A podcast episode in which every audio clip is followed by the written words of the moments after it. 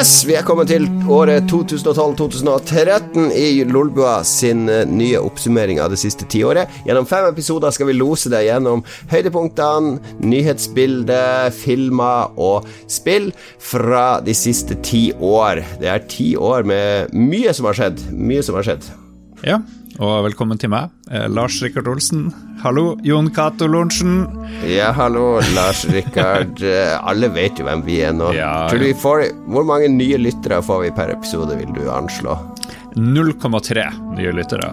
Jeg tror det er et veldig realistisk estimat. Hva skal vi gjøre for å få masse nye lyttere? Det er jo fem millioner nordmenn der ute. Hvordan skal vi nå 50% av de? Jeg vet ikke, men nå bare elsker jeg å se sønnen din krype diskré bak deg for å ikke bli sett på streamen. Ja, han skal inn og kle på seg. Han skal i bursdag, nemlig, om en og en halv time. Så derfor, det er det tidsramma vi har for å spille inn denne Ja. episoden. Nei, men eh, hvordan vi skal få mer av de fem millionene? Jeg vet ikke, jeg føler at hvis vi får med oss Sofie Elise Vi er jo fra Harstad begge to. Sofie Ja. Er en av de største, største stjernene i Norge for tida. Hun må vi få med. Det er Ja, nummer én. det, er, eh, det har vært et mål fra dag én å få Sofie Elise som gjest, så det må jo skje. Hvis du klarer å få oss som sånn festspillpodkast i Harstad eller noe sånt, Ja. så tror jeg sjansene øker betraktelig. Veldig. Da kommer vi til å få 3000 nye lyttere som ikke er egentlig interessert i oss, men hun, da. Så det er jo problemet, selvfølgelig. Ja, men uh, kanskje hvis bare 2% av de blir med videre, ikke sant, så har vi fått 60 nye lyttere, og det er ganske bra. Veldig bra. Mm, så har vi jo noen sånne gammelkjendiser vi har hatt med og før, så jeg føler vi må bare resirkulere de episodene. Send de ut på nytt. Vi trenger ikke invitere dem til noe, noe ferskt. Vi bare sender det ut på nytt og later som at det er tatt opp i går, f.eks. Det kan vi. Altså, det har skjedd mye med sånn der uh, teknologi nå. Altså, det er ikke lenge før vi kan uh, lage Sette ansiktet til f.eks. Tom Cruise på der, Lars, og så kan du bare eh, tror, tror folk at vi har Tom Cruise som gjest. Uh, det funker bra. Hvilken film var det jeg så hvor de bare Ja, Terminator Dark Fate. Der har de jo han Arnold og han ungen fra Terminator 2. De ser veldig bra ut. Det er første gang jeg har sett sånne der, eh, greier. I Star Ja. Wars-filmene så prøvde de å putte inn noe prinsesse Leia, og det var jo helt forferdelig. Men nå har For de fått det til. uka, ja, for denne uka kommer jo også The Irishman, den nye Mm. Scorsese-filmen på Netflix. Og Der også har de brukt teknologi for å gjøre uh, Scorsese, eller, eh, De Niro og Pacino sånn yngre, fordi det foregår liksom over et spenn av 40 år. Ja, og jeg tenkte at det var en elendig idé, men etter å ha sett Terminator, så tenker jeg oi, kanskje det har noe for seg. For det var dritbra. Det var det. Ja. Ok, vi, eh, vi eh, må komme i gang med det som er tematikken, nemlig 2012 og 2013. Men først så skal vi handle litt om nåtid. Vi kan ikke unngå de aller, aller viktigste punktene. Nemlig hva har vi gjort siden sist, og hva har vi spilt siden sist. Og Lars, nå håper jeg det er kort, fordi det fins ikke noe verre enn folk som skal snakke om hva de har drømt. Jeg ser du har skrevet at du har drømt noe. Ja. Det, er det, det er det absolutt verste som skjer. Å, jeg hadde så kul drøm i natt, og så bare Åh, I know, I know. Jeg våkna opp eh, Skal vi se, Oi, nå fikk jeg melding. Jeg våkna opp på lørdagsmorgenen av denne drømmen her som jeg skrev ned i halvsøvn, og det er utrolig mye skrivefeil. Du er på en flyplass eller foredrag, det skal være foredrag. Noen hører en lyd, eller roper ut en merkelig lyd du aldri har hørt. Gjennom et glasstak kan du se et fly som kjemper seg fram mot deg. Det er ikke tvil om at det vil lande akkurat der du er. Du køper ut, løper ut. De foran deg roper ut når de ser at flere fly kommer, har landet og jommer i forferdelig fart mot din posisjon. Men det var en veldig sånn actionfylt drøm, for det kom først ett fly mot oss, så måtte jeg springe ut, og så kom det fem fly til, som én meter over bakken, som jeg måtte dodge rundt og hoppe til sida for og sånn. Og det var jævlig morsomt. Skriver du opp eh, drømmene dine? Nei, men det var så spesielt. Jeg bruker ikke å huske drømmene mine, så, men her tenkte okay. jeg det her må jeg notere ned. Det her, er- det, this Ja. means something, men det er jo bare et vas, da. Men eh, akkurat da jeg våkna, så tenkte jeg at det her var en helt unik drøm. Eh, Ofte når man har sånne veldig intense, unike drømmer, så våkner eh, vi De få kvinnene som hører på, kjenner seg kanskje igjen, men våkner ofte med litt sånn eh, halverigert lem når man har sånne intense drømmer. Gjorde du det? Nei, det var ikke noe erigert lem. Det var bare Jeg måtte drite, så etter det så brukte jeg to timer på dass.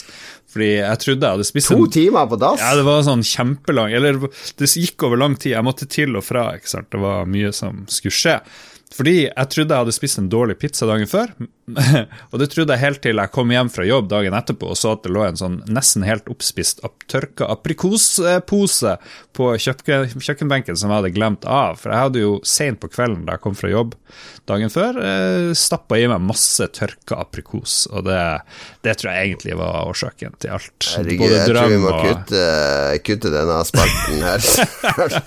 drøm og sitte og bæsje på natta, aprikos, gammel pizza Det er litt av et liv, Lars. Jeg bidrar. Living the life. Living the life. Akkurat som Sofie Elise, så deler jeg livet mitt og blir veldig populær av den grunn. Har Sofie Elise noen gang blogga om en drøm hun hadde? Garantert. Og at hun våkna og satt to timer og bæsja? Nei, det har, det har hun ikke blogga om.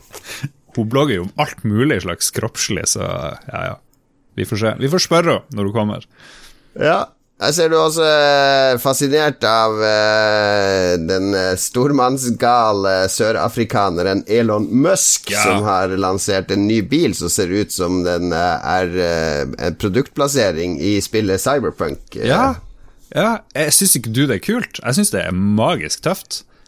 Jeg syns det er veldig kult at noen lager bildesign som ikke stemmer overens med det etablerte bildesignet. Selvfølgelig ja. syns jeg det. Altså alt for Ja. Og så protesterer masse folk, fordi selvfølgelig det her er noe nytt, det er ikke noe de har sett før. Men bildesign har jo gått inn i en slags, eh, slags hull de kommer seg ikke ut av. Alt skal være så jævlig rundt og mykt og sånn, og så har amerikanere skal være litt tøffere i kantene. Men det er ingen som tør å liksom bryte ut av det der Ganske kjedelig bildesign nå. Tenk på 60-70-tallet, mye kule mm. Kulere biler. Det var litt mer variasjon og, ja, og fresh. Nå får vi kanskje den der brutalisme, den der eh, litt sånn low polygon count-stilen. Jeg har veldig tro på det der.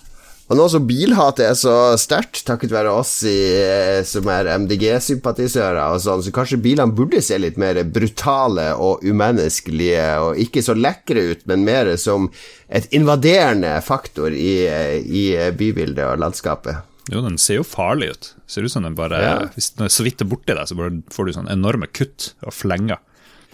Sånn burde det være. Burde være. Alle bilene burde se ut som sånn Madmax-biler med kniver på eh, hjulkapslene og alt sånn. Mitt liv i det siste Jobber så mye, jeg er så sliten blu, blu, blu. Nei da, jeg har ikke det. Skal Jeg fått uh, Du sa jeg skulle, vi måtte tone ned at vi var så slitne hele tida, ja. så jeg skal tone det ned. Men hadde, vi hadde julefest på kontoret vårt. Mm. Uh, vi og de deler kontor med Vi er Krillbite og Hyper Games, og, og Toadman heter den siste på kontoret. De var, heter Artplant før. Og så skulle vi ha sånn felles julemiddag sånn julebord, sånn som alle selskaper pleier å ha. Mm. Uh, så fant vi ut at hva om vi tar det litt sånn tidlig, og så tar vi og arrangerer sånn åpen julefest på kontoret etterpå, der vi inviterer alle mulige folk fra bransjen. Journalister, andre spillutviklere, litt periferifolk her og der. Eh, det var folk fra NRK og Oi. litt av hvert. Altså alle mulige folk som liksom har, vi har connections med. Kom noen kjendiser? Uh, Tell me about the celebs. Ja, det var vel ikke noe A-kjendiser på den festen, men det var jo folk som vi kjenner. Altså Bjørn fra Saft og Svele kom innom en tur. Mm. Kjell fra, som eier Tilt, var innom. Eh, det var nå han Andreas, eh, ene halvdelen av nerdelandslaget, eh, var jo innom. Stian Blipp kommer jo ikke, da, men Andreas er jo ute og scouter. Han var der og scouta nye gjester til nerdelandslaget, mistenker jeg. Mm. Eh, og så var Pressfire var der, og Gamer.no var der, og masse andre spillutviklere. Rock Pocket, det var noen fra Funcom, det var Ja. Mm. Stort og smått og bredt, og det var over 100 mennesker på det kontoret. Vi hadde kjøpt Oi. inn eh, øl fra et bryggeri, de hadde satt opp en egen bar, så det var bonger og øl. Jeg kjørte litt eh, DJ-sett ut på natta. Vi hadde spillrom, brettspillrom med Secret Hitler, der vår venn eh, Philip Philip var jo også dukka opp mm. eh, etter hvert, så han var med på en runde Secret Hitler der inne. Men du nevner DJ, du spilte litt musikk. Du har fått en nytt DJ-sett, hadde du med deg det?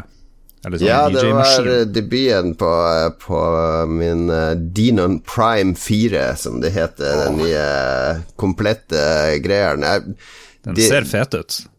Ja, det jeg, hadde, eller det jeg har, er jo sånn 20 år gammelt, så det er ganske utdatert på mye. Og så hver gang vi skal på hytta, sånn, så tar det jo en, et, et helt bagasjerom, fordi jeg må ha med Mac og svære enkeltkomponenter og dill og dall, så da har jeg tr de inn og solgt en del andre ting, så jeg har fått råd til å, å oppgradere. Så det, mm.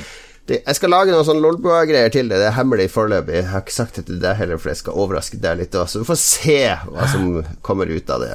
Ok, eh, Men eh, til slutt, julefest på kontoret, var det noen skandaler? Hvor mye metoo ble det, osv.? Det er veldig lite metoo. Vi, vi, skulle egentlig henge opp sånn misteltein, for det er jo sånn gammel metoo-tradisjon. Og, å, se der, frøken, de står under denne, ja, da må vi nok kysse, ja! Eh, som var en veldig god idé, og helt legitimt i gamle dager, at kvinner måtte kysse menn hvis de tilfeldigvis sto under et, et, eh, sånn busk som hang i taket. Så vi tenkte vi skulle henge opp en sånn misteltein, men at regelen nå var at hvis du havna under der med noen, så måtte man eh, idéstorme frem et spillkonsept sammen. Eh, men vi kom aldri så Det var så mye annet å ordne. Ja. Men eh, misteltein er eh, Jo mer du tenker på det, jo mer utdatert føles begrepet misteltein. Før hang det jo en murstein i taket, og hvis du var under der og møtte en annen person, så kunne du bare slå dem i trynet. Det, men det har også blitt slutt på, dessverre. Det er vanlig. Det kommer til å være på Lolbua-julebordet om et par uker. Ja.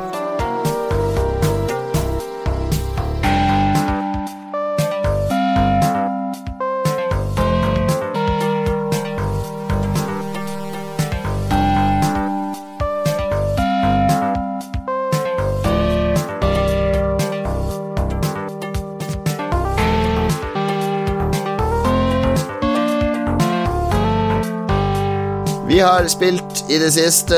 Og Lars, du tar oppgaven med å tilbakeblikke på 2012-2013 alvorlig, for du kaster deg over spill fra epoken. Hva er det du har spilt uh, fra disse årene som, uh, som du vil dele her? Jeg tenkte jeg skulle kjøre gjennom Journey og The Last of Us, som var noen av de mest oppskrytte spillene fra de her årene, men jeg rakk bare Last of Us og kjøre i gang noen ja. timer. Og for å se er det så bra, er det virkelig så bra, og Åpent spørsmålstegn, brannfakkel etc. yes, ja. Det, det, er bra på mange måter. Det, det, det, satte jo spor og alt det der. Det er jo en zombie-overlevelseshistorie uh, som, som uh, kynisk manipulerer spillerens følelser. Det begynner jo med, spoiler alert, at dattera di uh, blir drept. Eh, i første stadiene av apokalypsen, når de her zombiene, eller clickers, eller hva nå enn det kalles i det her spillet, bryter ut. Mm. Og så er det flash forward masse, masse år i fremtida, hvor alt har gått til helvete. Naturen har begynt å ta over jorda, og menneskene sliter. Men så dukker det opp en, en jente som, som, på mystisk vis klarer å, å overvinne denne infeksjonen og ser ut til å være immun mot den zombie-effekten.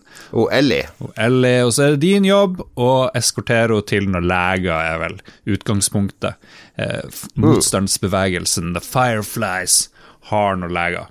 Og så skal du Så blir det et stort eventyr. Og det er mye kule karakterer. Du møter folk fra fortiden til denne hovedpersonen. Yeah. Hvor langt spilte du det? Back in the day så kom jeg, jeg så de her sjiraffene og noen greier, og møtte han broren og litt sånne ting. Ja, du spilte sånn at du fikk styre ho òg? Ja, jeg tror det. Jeg tror det. Yeah. Men nå yeah. så har jeg bare spilt en fire-fem timer, og jeg syns interface og spillmekanikk litt klanky, litt data. Det, det har ikke holdt tålt tidens tann veldig, veldig bra. Det er litt gnøkk, og så virker verden veldig tom. Ehm, det ser jeg nå i forhold til mange andre spill. Du kan gå rundt og, utforske litt i verden, men det er helt tydelig at spillutviklerne bare Ok, du skal gå denne veien. Det er egentlig null vits å gå og utforske og kikke i kriker og kroker. Men det forteller jo Det jeg husker, er at du forteller Det er mange historier i omgivelsene.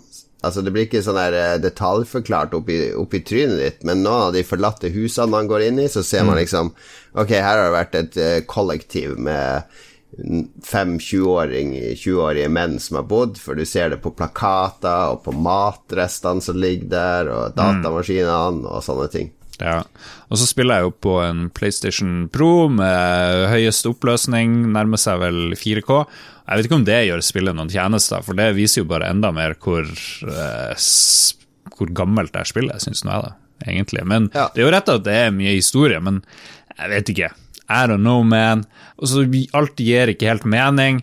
Det, husker du at hver gang de kommer til en høy vegg, så skal han eh, Joel, eller hva han heter, skyve hun dame dama opp og hjelpe opp, og så skal han hoppe opp, og så må hun ta han med begge hendene og dra han opp, selv om det står en sofa eller en stol rett ved siden av, som du mye heller hadde skjøvet inntil veggen. I stedet skal de Det er jo sånn bare spill suspension of disbelief. Det, det gjør ikke noe. Det er bare en måte å sek sekventere Ja, så er det sånn eh, Oi, her er et vindu, jeg kan ikke gå, jeg kan ikke knuse den der ute her. Jeg må gå rundt forbi masse fiender her borte, videre. Jeg føler ikke at spillverden er sånn 100% overbevisende. Men det, Ja, men det er flisespikkeri, syns jeg. Jeg synes det jeg, For min del så er det mye bedre Last of Us syns jeg fungerer mye bedre enn Uncharted. All den kritikken der kan du tillegge Uncharted òg. All den der ulogikken der. Og Uncharted så skurrer det mye mer for meg. Eh, mest fordi de kampene er så ulidelig kjedelige i Uncharted, mens i Last of Us så er det jo sånn det er i hvert fall flerfasettert eh, håndtering når du møter fiender. Altså du kan slenge ut clickbait, som jeg kaller det, for å lure de av gårde fordi de bruker lyd til å navigere. Ja. Du kan eh, flere ulike måter å håndtere det på. Noen kan du bare snike forbi. Altså det er en en tension i de møtene som det ikke er i Uncharted, hvor du bare uff, skal jeg nå skyte 50 karer for å få lov å spille videre? jo da, det beste i Uncharted er jo å skru på easy, sånn at du slipper de her 300 fiendene, eh, sånn at de kampene varer i 100 år, mens eh, i The Last of Us så er det litt mer spenning i kampene. Men eh, det er vel det eneste jeg vil si er så mye bedre. Ja. Men eh, de er jo eh, Naughty Dog er jo gått seg litt vill i de der filmatiske spillene sine, så jeg syns jo Jedi Fallen Order Jeg vet ikke om du har spilt det ennå.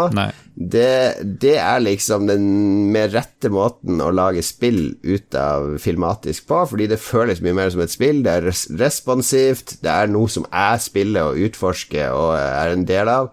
Jeg føler meg altfor mye som en tilskuer både i The Last Ja, of. Us og Uncharted. Jeg kjeder meg ganske mye i Last of Us. Det er mye, mye cutscenes, så Ja, så Korridorer. kanskje det ikke har holdt seg så godt, men uh, Last of Us 2 Veldig mange som venter på det. Veldig mange som skal kjede seg gjennom det. Du? Fikk du, fikk, var det her en god forsmak? Du ble mindre hypa for Last of Us 2 nå, kanskje? Ja, ja.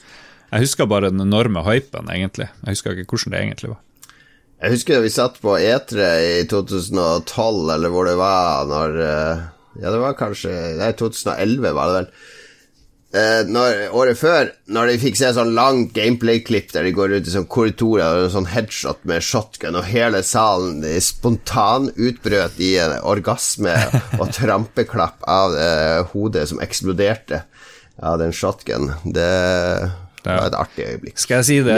Øyeblikk. Det essensielle øyeblikket i Uncharted og Last of Us, det er når du, kom, når du går rundt i en gang, og så ser du at det er en sånn liten åpning i veggen, og så skal, du, skal hovedkarakteren åle seg gjennom det, og så følger kameraet bare nært, nært når du går der, og, du må holde joysticka fremover. Og det er jo gjort nå i alle mulige spill 10 000 ganger, og jeg er så lei av akkurat det der.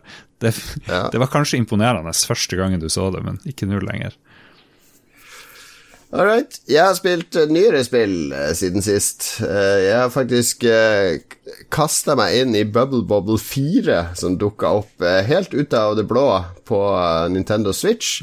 Ble det plutselig lansert over natta omtrent. Bubble Bobble 4, helt nytt Bubble Bobble. Det inneholder det originale Bubble Bobble og en ny sånn fireplayer Bubble Bobble med helt nye brett. Kan du huske Bubble Bobble 3? For det har gått meg hus forbi. Ja, det var mange Bubble Bobble-varianter for en ti år siden. De reviva det på mobil og sånn, det er jo håndholdt. Men de slo aldri an. Men det som fungerer med Bubble Bobble 4, er for det at det er fireplayer, så jeg spilte med kona og to av ungene. Kjempeartig. Eh, Fordi man eh, dreper ikke hverandre eller ødelegger for hverandre, men man eh, samarbeider, kan lage bobler for hverandre, hoppe på bobler osv. osv. Ja, for du spiller I ena så spilte du dragene, jeg husker ikke hva de het for noe. To Ja, sånne og søte, drager. søte Nå er det fortsatt Bob og Bub, og så er det to sånne andre dinosauraktige raringer. Ja, og det eneste var, det var sånne små brett, og så kom det masse fiender, og så for å slå dem så måtte du blåse bobler på dem, og så blir de fanga i en boble, og så skal du hoppe på bobla, og så får du poeng og frukt og Ja. sånne ting. Jo flere bobler du sprekker samtidig med fiender, jo mer bonus får du, og så regner det masse frukt, altså en gigantisk oversized frukt. Eh, og så har man felles liv, da. Så det blir sånn, hvis man spiller med noen som er veldig dårlig, så må Ok, du må holde deg litt tilbake. Du må ikke drive og ta sjanser. Det blir litt sånn kommunikasjon. Så det er veldig, veldig bra partyspill. Uh, veldig koselig å spille med, med fire spillere. Ikke så frustrerende, det er veldig raust på. Du kan bare continue hvis alle livene går tom, så får man nye liv, men scoren resettes, så man får dårligere ra ranking på verden som består av ti brett og en boss. Eh, så det er veldig, veldig bra ny oppdatering av spillet, og hvert brett Før var det jo eh, sånn Arkade, ikke sant, så det var sånn eh, vanlig 4-3-TV snudd på høykant-design. Nå er det jo 16-9, så brettene er mye bredere, så det er helt annet sånn level-design. Litt, litt mer sånn puzzle-aktig, åssen skal vi nå de fiendene der, og sånn oppgraderinger, du får sånn equipment du kan equippe, så du får spesialboble og sånne ting. Så de har gjort alt riktig. Det eneste er at spillet er Det koster 400 spenn, som jeg føler som litt mye mm. sånn oppi hodet mitt, men uh, jeg vil si det er verdt det. Vi har spilt det i mange timer allerede. Tøft. Jeg så at det kom og bare What? Bubble Bobble 4? Hva skjedde med toa og trea? Jeg husker kanskje at det kom en toa, men det var også noe som het Rainbow Islands. Var ikke det også en slags oppfølger? Det var egentlig toeren, men så skjønte ikke folk det, så jeg tror de kansellerte den grenen som en del av Bubble Bobble. Nei, men jeg gleder meg. Det høres ut som en perfekt sånn partyspill, egentlig. Eller Ja, hvis du skal ha selskap og en gjeng på besøk, og du har fire Switch-kontrollere, så, så er det Det er megahyggelig å sitte og spille og samarbeide med, for det er veldig lavterskel, og det er lite frustrasjon, sånn som det er i i andre sånne fireplayer co-op-spill der uh, man drar hverandre av skjermen. Eller 'Kom tilbake, kom tilbake! Det er en kiste her vi har glemt', som Lego Star Wars og sånne ting.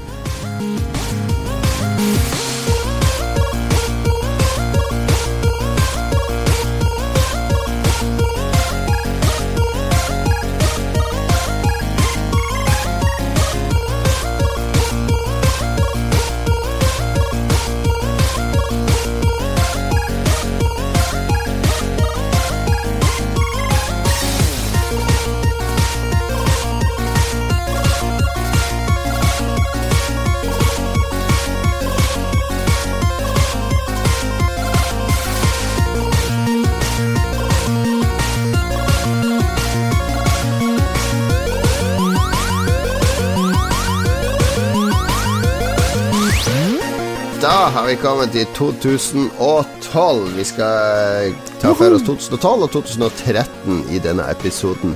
Mimrestund, altså. Og jeg føler det er litt sånn populært når vi går tilbake i tid, fordi når man tenker på 2012, så kommer minnene når man ser spillene som kom da, nyhetssakene osv. Så, videre, så kommer liksom eh, minnene fra hvordan livet var på den tida. Åssen var, var det for deg i 2012 og 2013, Lars? Husker du noe av det? Eh, det var jo det året hvor faderen døde, husker jeg, så det var jo et av de kjipeste årene i mitt liv.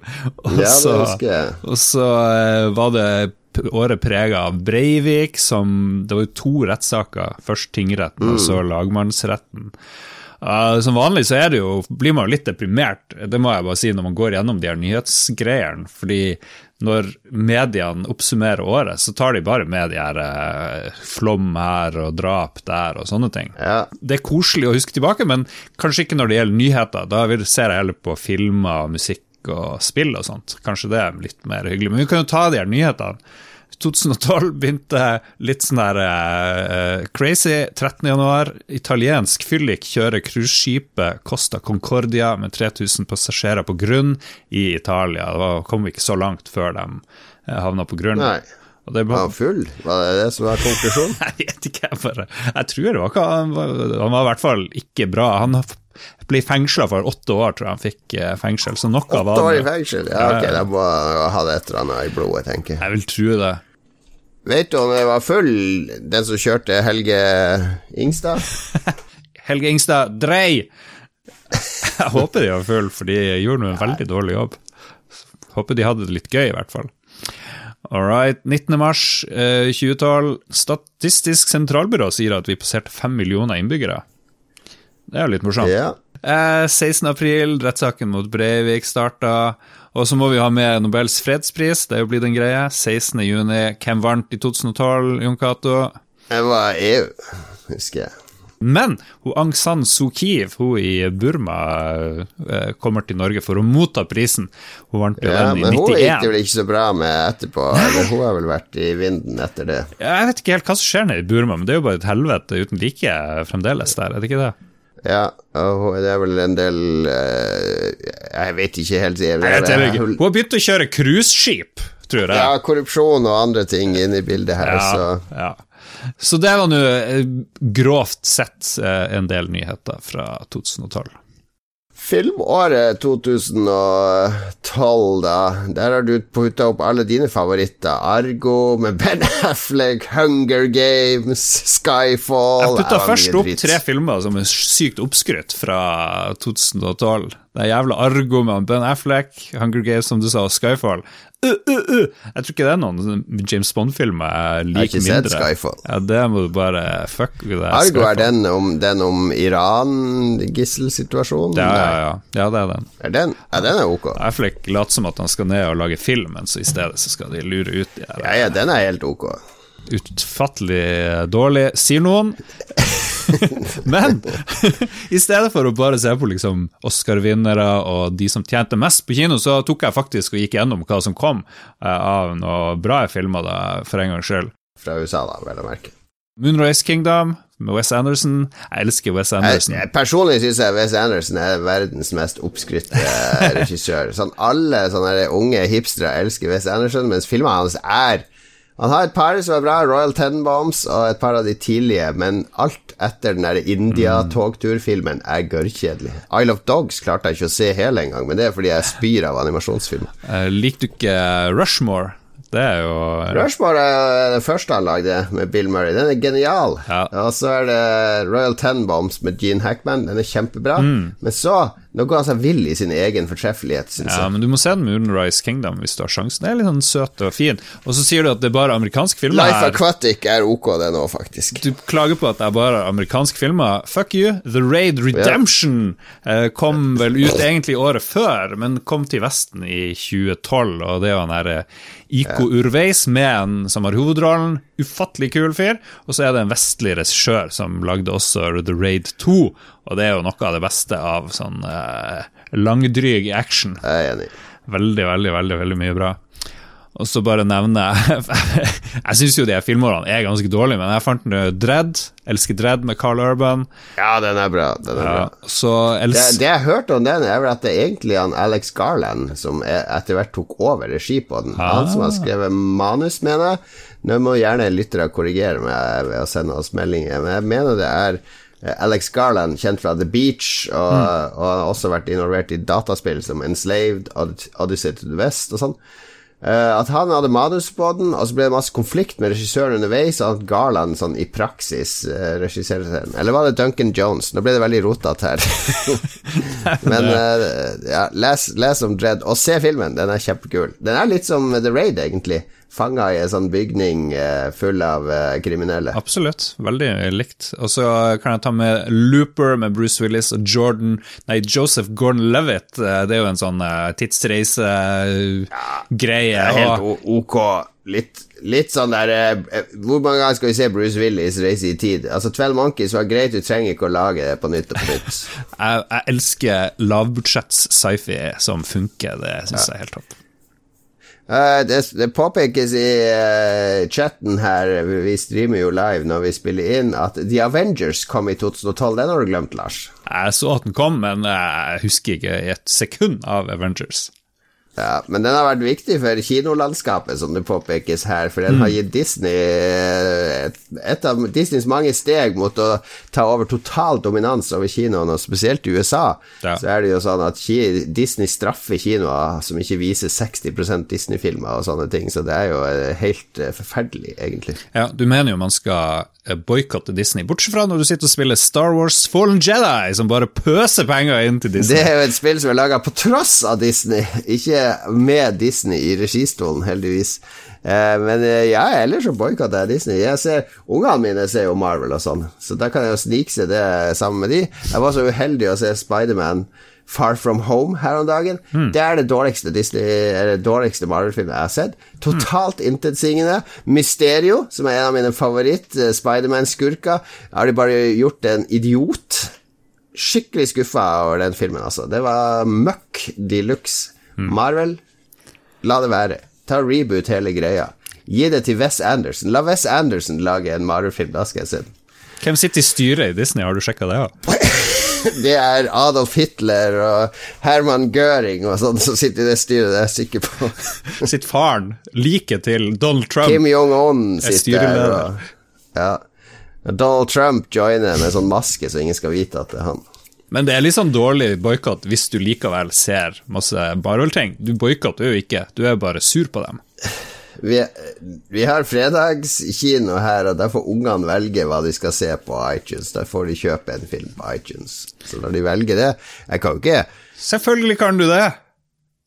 kan, eh, For det er jo familiekveld, da Jeg kan jo ikke si Nei, jeg jeg skal bli en sånn der forelder som eh, tar fra ungene actionleker? Nei, du skal leke med Barbie-dukke, gutt, fordi at vi skal innføre nøytrale kjønnsroller i hjemmet vårt og sånn. Jeg, jeg kan ikke bli sånn.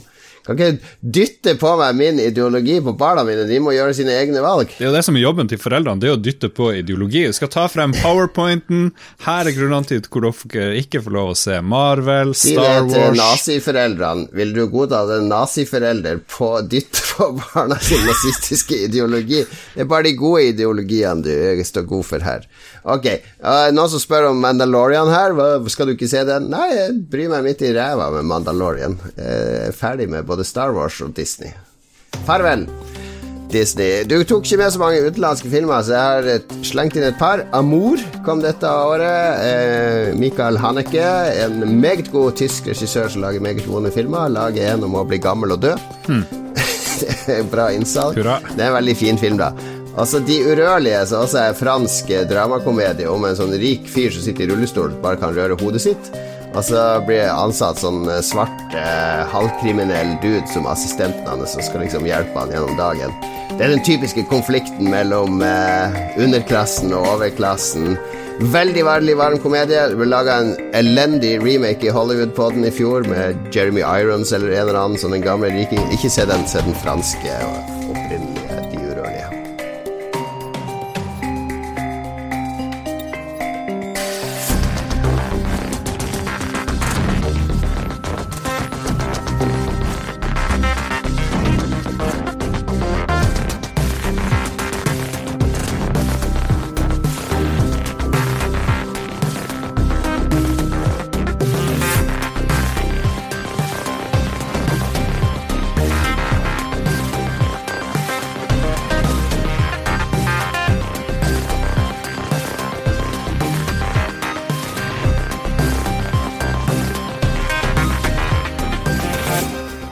Da har vi kommet til kjernen av 2012, nemlig spillåret 2012.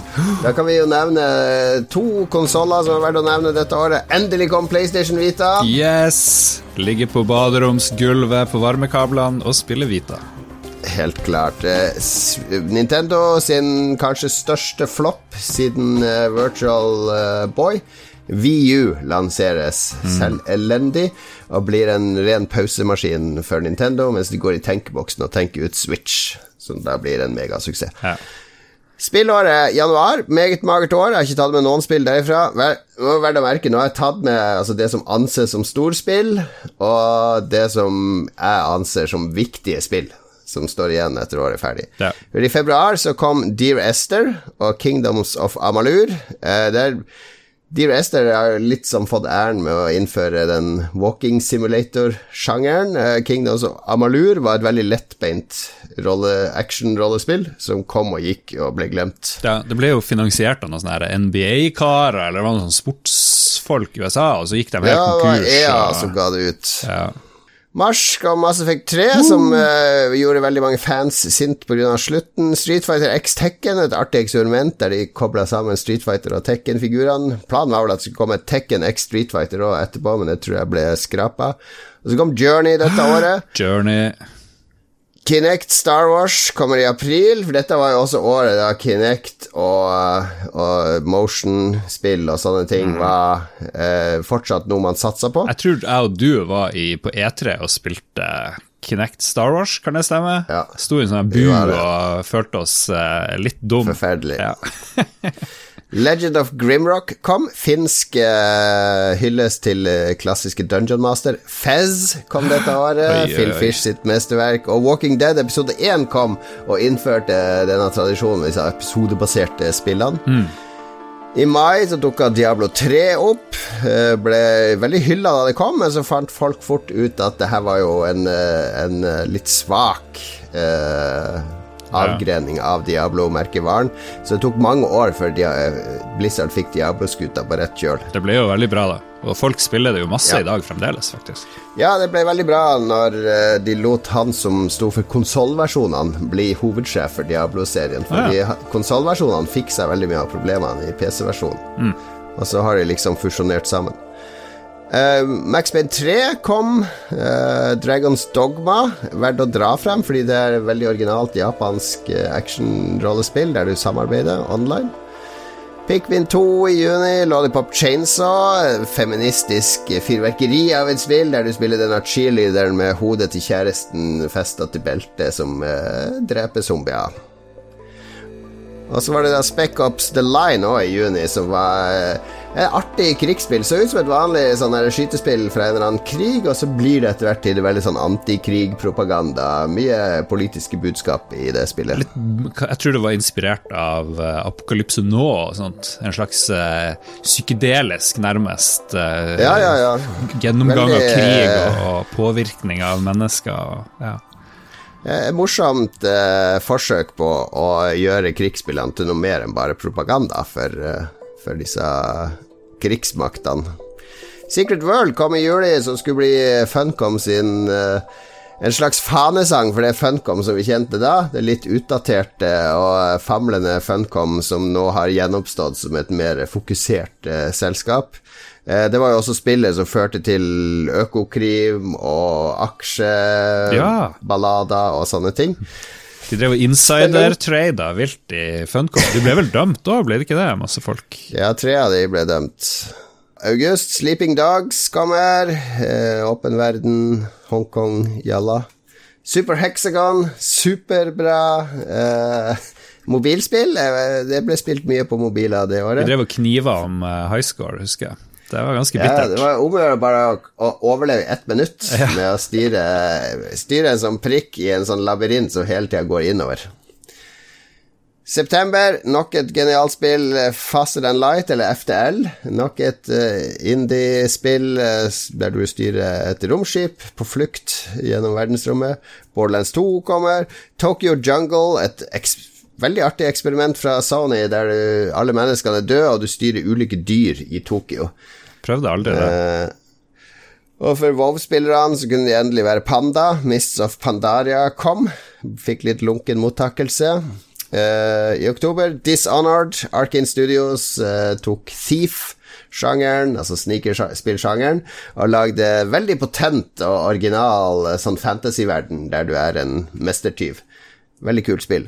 XCOM Enemy Unknown kom og eh, fant opp hele den XCOM-formelen på nytt. Også Ja. kjempebra spill. Uh, Eurotruck Simulator 2 kom.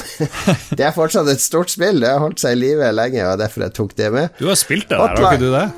Ja, jeg, jeg elsker Eurotruck. Det å bare kjøre og levere varer er veldig trivelig. Akkurat som i uh, Death Stranding. Death Stranding. levere varer er kos i spill.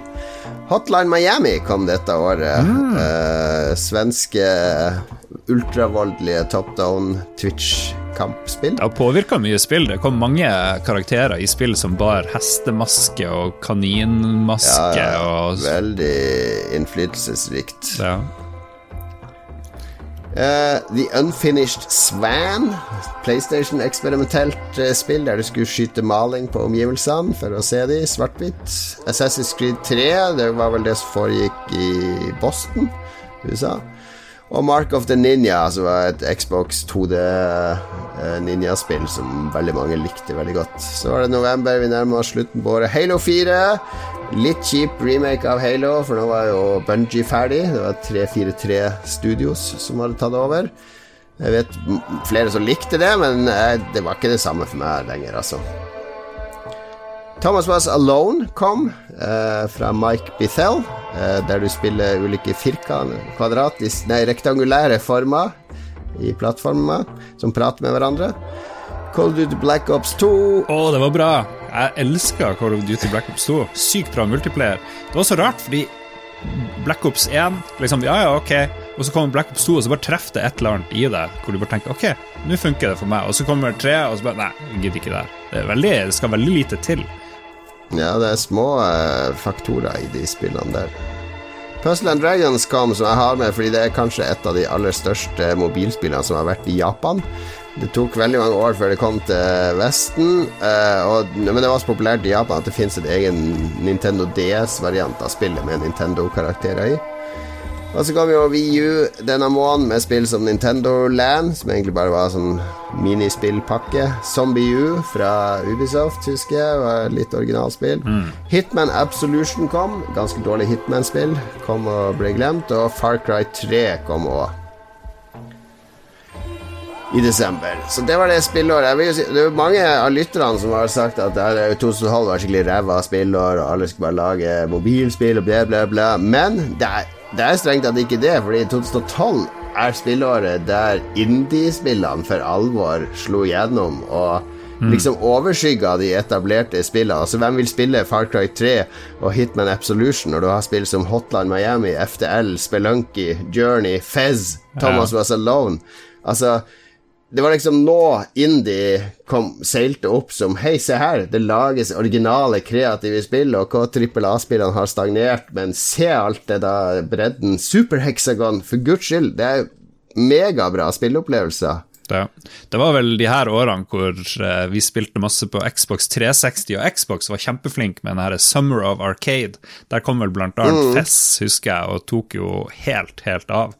Eh, og året før var det vel Super Meatboy, eller nei, jeg husker ikke. Kanskje det var året senere. Ja, Super Meatboy var to, eller året før, tror jeg. Ja, nei, så det men, var jo, det er jeg helt enig i, men når jeg først så på de her Best of-listen til, til, folk, så tenkte jeg ok, kanskje 2012 var litt shit, men uh, kom igjen. Journey, Fess ja, men det, altså, det som er litt kult med de spillene Hvis du ser på den lista her nå, så ser du Assassin's Creed 3, det gidder jeg ikke å spille nå. Black Ops 2, nei, det har ikke holdt seg bra. Zombie U, æsj.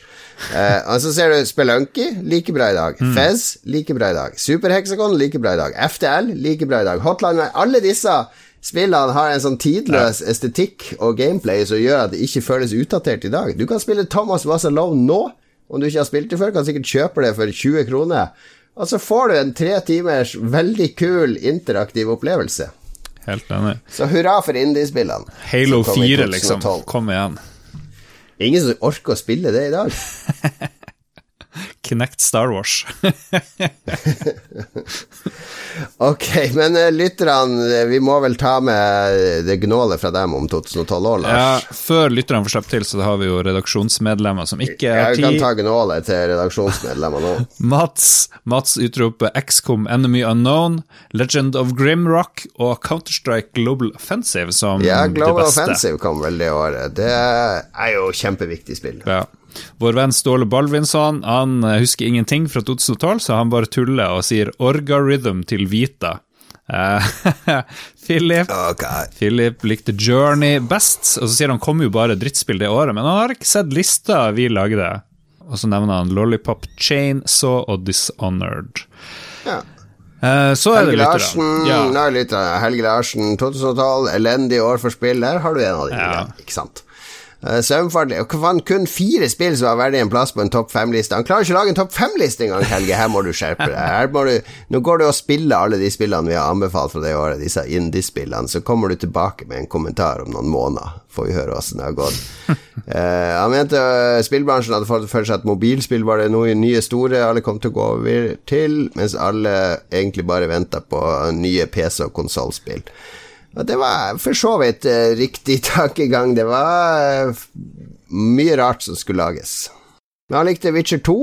Uh, også Diablo 3 syns han var ganske kjipt, men det ble veldig bra etter hvert. Og FDL likte han. Ja. Raymond Caspersen nevner Hitman Absolution og XCOM. Endelig var XCOM tilbake. Ja, bra spill. Ja, så jeg er veldig enig med Joakim Strandberg, som tar frem Black Ops 2, Call of Duty. Fantastisk utgave av Call of Duty, som fikk revival på Xbox One da det ble bakoverkompatibelt Ja, for mange år siden. Så det, det kan hende det holder seg. Det kan hende det holder seg. Hun eh, Guri Dahl, eller Guri Lotte eh, Sorry for å være kjedelig, men Dishonored Helt greit, det. Det var veldig kult da den kom opp. Ja, det er barnebarnet til Roald Dahl, eh, hun Guri Lotte Dahl. Nå begynner du å skremme bort lytterne igjen. Kanskje hun er det? Ja. Kanskje det er stor familiekonflikt? Altså, Nå minte du på det, så nå hører hun aldri på oss. Roar Gradevang, derimot, han går for Far Cry 3 og Hotline Miami. Ok, ok. Og så er jeg enig med Rikard Martinsen Koteng, en av våre eh, største fans. Eller jeg vet ikke. Han sier 'Hvorfor har ingen nevnt fantastiske i gåsetegn? Fantastiske spillet Journey? Jeg tror han er ironisk. Ironisk, for det var mange som ikke likte Journey. Og greit nok, jeg fikk ikke tid å spille det til denne podkasten, men det er noen uker siden så bare kjørte jeg det i gang bare for å se, og det, det føles veldig smooth, føles tidløst. Jeg tror det holder seg som bare det i dag. Det gjør det. Getto Boys, uh, Kristoffer blant venner. Kingdoms of Amalur. At dette aldri fikk en oppfølger, er en skam. Så her har vi én av fansen av det glemte spillet. Og til slutt han Puntis, Håkon Puntervold. Uh, er det mange gullkorn å velge mellom enn han? Megaman 5, Megaman X, Megaman X2, Super Street Fighter 2, The New Challengers, Metal Slug 3 og et hav av andre klassikere som kom til Virtual Console på Nintendo Wii. Eh, ja, han er glad i retrospill, godeste Håkon. Men så tar han også fram det spillet som fortsatt er gøy i dag, nemlig Counter-Strike Global Offensive.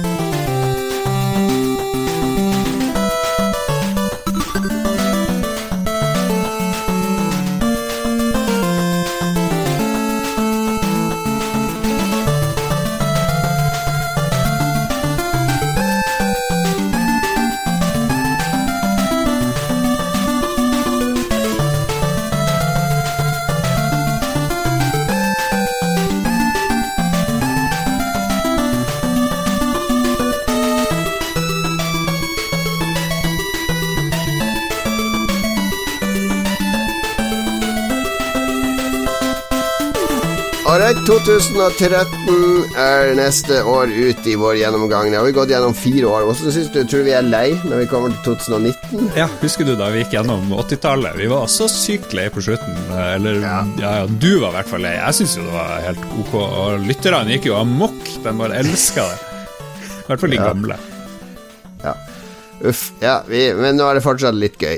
Eh, nyhetsbildet 2013. Ja da. Nå er det Blade Runner i nyhetsbildet, har jeg skjønt. Jeg likte 2013 mye bedre enn 2012 på nyhetsfronten, for der er det nemlig Blade Runner News. Eh, han eh, Oscar Pistorius sikta for mord på sin kjæreste. Han skjøt henne gjennom baderomsdøra eller et eller annet, som jo også han der eh, Christian Valen prøvde å gjøre. Eller jeg tror ikke det var noen på badet, men han bare skjøt søren dusjen sin eller et eller annet i Norge. Ja. Så det er et eller annet med litt sånn loco kjendiser og bad og skyting. Jeg vet ikke helt hva det er. Men han er i fengsel nå. Eh, var jo kjent for å springe. Han, var sånn, han sprang 200 meter eller 800 Ja, han hadde jo sånne der, eh, bøyde stålblad eh, under knærne. han sprang som faen. Jeg husker eh, han, han Jeffrey eh, En sånn australsk standup-komiker som har en sånn her eh, rutine om akkurat den saken der, men nå, hun har låst seg inn på badet, og det var jo veldig vanskelig, for han kunne ikke sparke inn døra, for han bare spredt tilbake inn i rommet hver gang han prøvde å sparke den inn. Og. Å, dårlig. Dårlig, men god humor.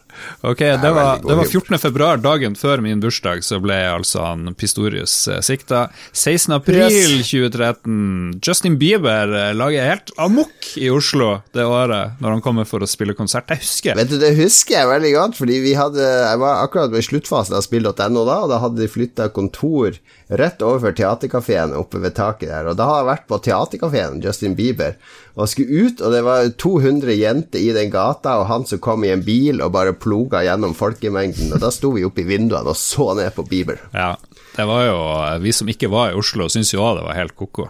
Det tok jo helt av. Og så sølte han vann, noen sølte vann på scenen, det er jo noen år senere, og så bare har Justin Ja. Bieber forsvunnet helt. Han bare blitt crazy.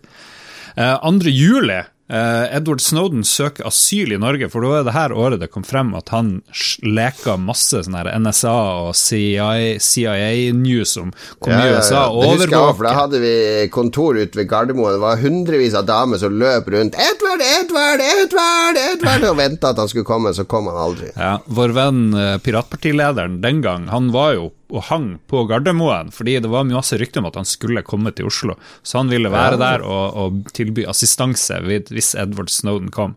Men eh, det skjedde jo mye rart. USA fikk stoppa masse fly som de trodde han var på, men så var, for han egentlig til Russland og nå har asyl der, og det er jo litt kjipt at han måtte dit for å få asyl. Mannen er jo, spør du meg, en, en stor helt som fortalte verden masse informasjon vi burde vite. Ja, ja, ja. ja. 17. juli eh, Norsk kvinne dømmes til 16 måneder fengsel i Dubai etter å ha anmeldt voldtekt. Altså, Ja. det var ikke noen som anmeldte hun for voldtekt, men hun anmeldte en mann for voldtekt. ja, men det kan du ikke gjøre i Dubai. Nei, nei. hun ble etter hvert benåda av en eller annen prins eller et eller annet, men come on, Dubai. Man the fuck up. 18. august, trist dag, eh, Jon Cato. Ja, da dør uh, selveste Fleksnes. Rolf Wesenlund eh, døde etter å ha blitt en litt bitter gammel mann som klagde på den nye humoren. Lurer på når vi skal begynne å klage på de nye podkastene og sånne ting. Det har vi gjort lenge. Ja, vi er kanskje der allerede. Og så 19. august. Jostolf Moland blir funnet død i en fengselscelle i Kongo. ja. Er det så lenge siden han døde? Ja, det er jo helt vilt. Uh, Yes. Og de mente jo han tok livet sitt. Han gjorde kanskje det. Jeg tror ikke det var så gøy å Har du sett den der filmen Kongo? Nei, ikke jeg heller. Bryr meg. Det jeg syns det er eh, Ikke Flau historie. Jeg vil, se, jeg vil heller ikke se filmen om han der Frode Berg, han der norske spion i Tror du det kommer? Ja, ja, ja, Hvem skal spille. Frode Berg? Blir Bjørn Sundquist? Ja, ja, han legger på seg 20 kilo. Hva i helvete? Jeg er ikke noen spion! Jeg har bare 5000 euro i lomma. Ja, det er bare litt penger. Men Bjørn, Frode, Frode Berg han ser litt sånn her, Han ser veldig stusslig ut. Som at eh, hvis du dytter han bare bitte litt, så skal han falle om. Mens Bjørn Sundquist ser jo litt barskere ut. Så han må, men da var, får han hente fram Ja, ja, ja. sitt for å se så litt sånn redd og stusslig og fanga ut. Det kan bli en skikkelig bra norsk, norsk Norges svar på uh, James Bond er Bjørn Sundquist som Frode Berg. Litt sånn engstelig og feig spion som bare eh, innrømmer alt med en gang Nord kommer borti han bare sier hei. Ja, eh, unnskyld, jeg er spion! Er! Det er den norske stat sin skyld! Sånn som han der hackeren i uh, Armageddon. Han, uh, han er afroamerikaner som sitter og spiser donuts. Bare, 'Nå skal vi bare tie stille og ikke la deg intimidere og bli good cop, bad cop.' Og så med en gang de kommer inn døra, så bare 'Det var hun!' Ja, ja. Stakkars Frode Berg. Ja, ja. ja, men det er bra han har kommet seg hjem, da. Ja, det er det. Eh, Nobels fredspris det her året går 11. oktober til Organisasjonen for forbud mot kjemiske våpen. Litt sånn kjedelig. Lik best når det er en person som får eh, det her. Ja. Og til slutt 16. oktober. Erna Solberg blir statsminister, og er det enda. 2012, folkens. Og så er det valg Det er eh, til neste år, 2020, så da tror jeg de fikk ut. Kanskje, kanskje ikke. Vi får se. Vi får se. Ok, ok. Film, film i 2013. Ja, mye oppskrytt det året òg. Zero Dark Thirty, ufattelig dårlig, kjedelig film. Uh, Ja, om da de drit. tok uh, Hva det var hva det handla om igjen? Osama? Nei, husker ikke hva det handla om engang. Osama bin Laden? Ja, Ja, det er De går inn i et sånt bygg der Osama sitter med en datamaskin, og så ja, skyter han. fuck det, altså. Men det var mye bra òg. Jeg må jo eh, fokusere på USA, da. Wolf og Wall Street. Ja, den er artig. Leonardo DiCaprio er min favorittskuespiller i dag. Og så elsker jeg Scorsese når han driver og følger etter folk full av eh, dop Mm. og makt. Så bare, og bare ser alle omgivelsene alltid bare seile gjennom omgivelser og strør om seg med penger og uh, arroganse. Oh, det er magisk. Og det er en del fyllekjøring i Wolf of Wall Street, og det er det vel kanskje i filmen Rush òg, som handler om Nikki Lade og James Hunt, som driver og konkurrerer i Formel 1, og hvor det driver og går veldig galt. Ron Howard har regissert en helt ok film. Og apropos billig sci-fi, Oblivion med Tom Cruise, og jeg liker den. Eh, jeg prøver jo ikke like Tom Cruise, men jeg klarer ikke, klarer ikke det. Jeg liker jo stort sett nesten alle filmer han har vært med i, men Jeg tror ikke jeg har sett den. Har du ikke? Åh. Veldig bra musikk eh, med Susanne Sundfør og M83 i end creditsen. Veldig kult. Eh, Gravity ble veldig oppskrytt. Vet ikke om det var så bra. Jo, ja, den liker jeg veldig godt uh, fortsatt. Men det er, det er sånn der Det kommer alle de science-nerdene fram. Han der uh, Ty Tyrone, eller hva han heter. Og de er, 'Jeg skal påpeke alt som er fysisk feil i denne filmen'. Ja. Fordi du Fuck sake, skal du påpeke alt som er fysisk feil i alle actionfilmer, så er det jo ingen som passerer noen som helst radar. Hmm. Nå prøver jeg å komme på hvem er han der fysikeren som du, prøver, som du kaller Tyrone. Jeg tror ikke han heter Tyrone. det er han der afroamerikaneren, han uh, uh, Han er stor på Twitter og Ja, um, Jeg klarte ikke å slutte å tenke på det. Han heter jo ikke Tyrone. Det var jo bare så liksom, Tyrese. Det er sånn nesten rasistisk. Jeg vet ikke hva det er. Det er ikke rasistisk, det. Ja, Neil deGrasse Tyson ja, det var det. Ok, det var ikke så langt unna. Det er Tyson, da. Det er Tyson jeg husker. Tyson er også rasistisk. Det er bare Jeg kjenner bare afroamerikanere som heter Tyson. ok. Kanskje han er i slekt med Mike Tyson. Uh, ja, men Gravity Det er jo Alfonso Cuarón som er en av tidenes beste regissører. Han som har den gode Harry Potter-filmen. Han som også har Roma, som kom uh, i fjor. Oh, Roma var jævlig bra! Ja. ja, det er Alfonso Cuarón, mm. Gravity. Det er hans mest personlige film. Og så drar du inn noe sånn her tullete Harry Potter i samme setning som Roma. Ja, Askaban, den tredje filmen, den med Gary Oldman og uh, den som er, er den eneste som, som, filmmessig skiller seg ut ah. i Harry Potter-filmene, for den har litt sånn uh, egenart i regien og okay. det visuelle. Mm. Uh, mesterverket Anchorman 2 Jeg bare tar med, for jeg elsker Anchorman igjen. Anchorman 2 var helt ok. Helt ok. Ja. Og så, og så er det eh, dritfilmen Django Unchained. Han er jo med, han uh, DiCaprio, og har en enormt fantastisk rolle der. Ja, det han er, er god i den, men der, den der scenen med Ku Klux Klan og de putevarene ja, og ja, ja. slapstick-humoren der, det syns jeg bare Det ble så platt. så jeg syns det, det, var ufokusert eh, Tarantino-film der. Jo mer uh, Tarantino lager film, jo mer ufokusert blir det jo egentlig. Helt enig. Og så tok jeg med en dansk perle fra dette året, med Mats Mikkelsen. Han er jo høyaktuell nå for gamere i spillet Death Stranding, men han var også med i Jakten, som er en meget vond dansk film. Denne reality-filmbølgen i Danmark, altså inspirert av Lars von Trier sine dogmeregler. Eh, førte jo til en masse dansk sosialrealisme, og i denne filmen er jo Mats Mikkelsen en barnehageansatt som blir anklaga for å være pedofil, eh, og om hvordan hvor alvorlig det er. Altså, det, det, er jo ikke noe verre skjebne for en mann i moderne samfunn enn å bli anklaga for å være pedofil. Ja. Det er jo ikke noe verre stempel å få på seg. Nei. Og veldig vanskelig å kjempe mot en sånn anklagelse hvis den ikke har noe rot i virkeligheten. Men han ser jo litt tvilsom ut, han Mats Mikkelsen. da. Ja Du sier han ser ut som en pedofil, er det det du sier? Nei, det var din. Det var du som sa det. Ok, spillåret. Vi skal fyke igjennom 2013-spillåret eh, og eh, et variert år, vil mm. jeg si. Og det var jo også et år med mange nye konsoller. Både Xbox One, PS4 kom dette året, så den nye konsollgenerasjonen starta. Ja. Eh, vi, vi, må også ta med Oya, denne folkefinansierte Android-konsollen som jeg har i et skap et sted. Ja. Og, og, så kom det jo også Nvidia lagde jo sin egen bærbare konsoll, Nvidia Shield, eh, som jeg ikke kan så mye om, men alle jeg kjenner som har Nvidia Shield, de bruker den kun til piratkopiering. eh, altså filmer og andre ting, som et slags mediesenter for piratkopierte ting. Eh, men den her Oya er jo litt viktig. Den ble jo ikke noe hit, og kontrolleren som kom med Oya, var vel kanskje noe av den verste driten du har sett i verden. Men eh, den ble jo kickstarta, tror jeg, så det var en av de første sånne kickstarter... Ja, det var en stor suksess på kickstarter, ja. men det er bare en Android-konsoll, uh, mm. uh, liksom, så den var ganske basic. Ja, men den bana vei for veldig mange andre kickstart-prosjekt, følte jeg. Så, eh, Ja da. så, så den Og så kom det et bra spill, et bra lanseringsspill, så vi kommer til i lista her eh, når, i juni, faktisk.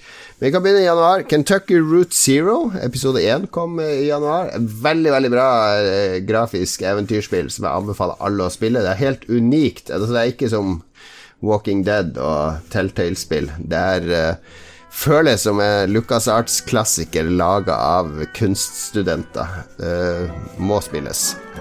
Nino Kuni kommer dette året. En revival av klassisk japansk rollespill. Er vel Studio Ghibli og Level 5 samarbeida. Uh, Studio Ghibli med karakterdesign og, og art, og Level 5 som er veldig flink å lage spill. det, det ble jo et OK spill, men det ble ikke mesterverknivå, dessverre. For det, alt lå til rette egentlig for det.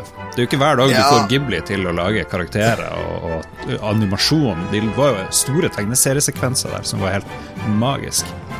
Ja, altså, det har en bra verden og sånn, men det har, det har en sånn bosskamp midtveis i spillet som er sinnssykt vanskelig òg, som mange ga opp på den, så det var litt ubalansert, følte jeg.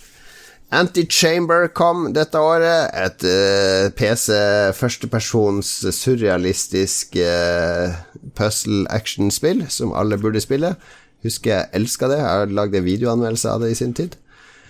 Så i februar Dead Space 3, som vel var begynte å bli spikeren i kista på den serien. Alien Colonial Marines kom i februar.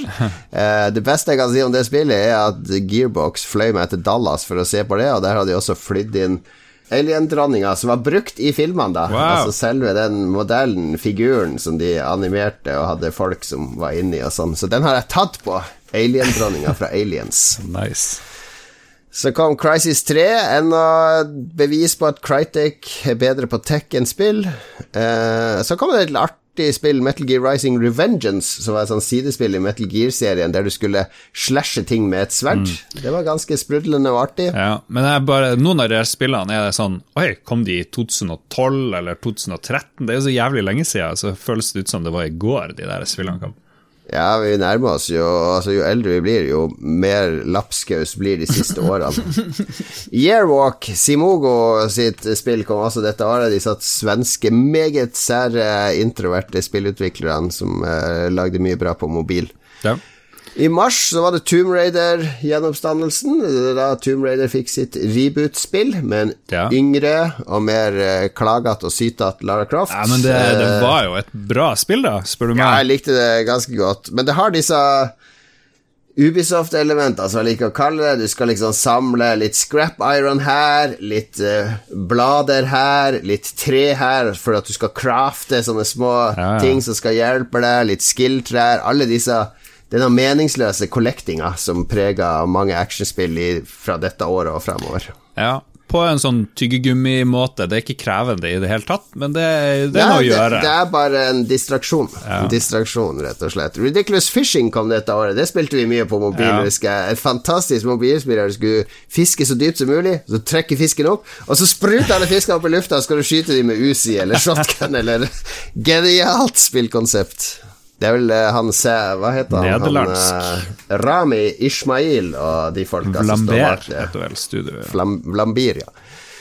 Gears of War Judgment, det var da People Can Fly, det polske studio, tok over Gears of War. Eh, det ble vel ikke så godt mottatt. Luigi's Mansion Dark Moon, eh, 3DS-spill. Army of Two, The Devil's Cartel. Et av de mest motbydelige actionspillene jeg har spilt. Veldig usmakelig på alle måter.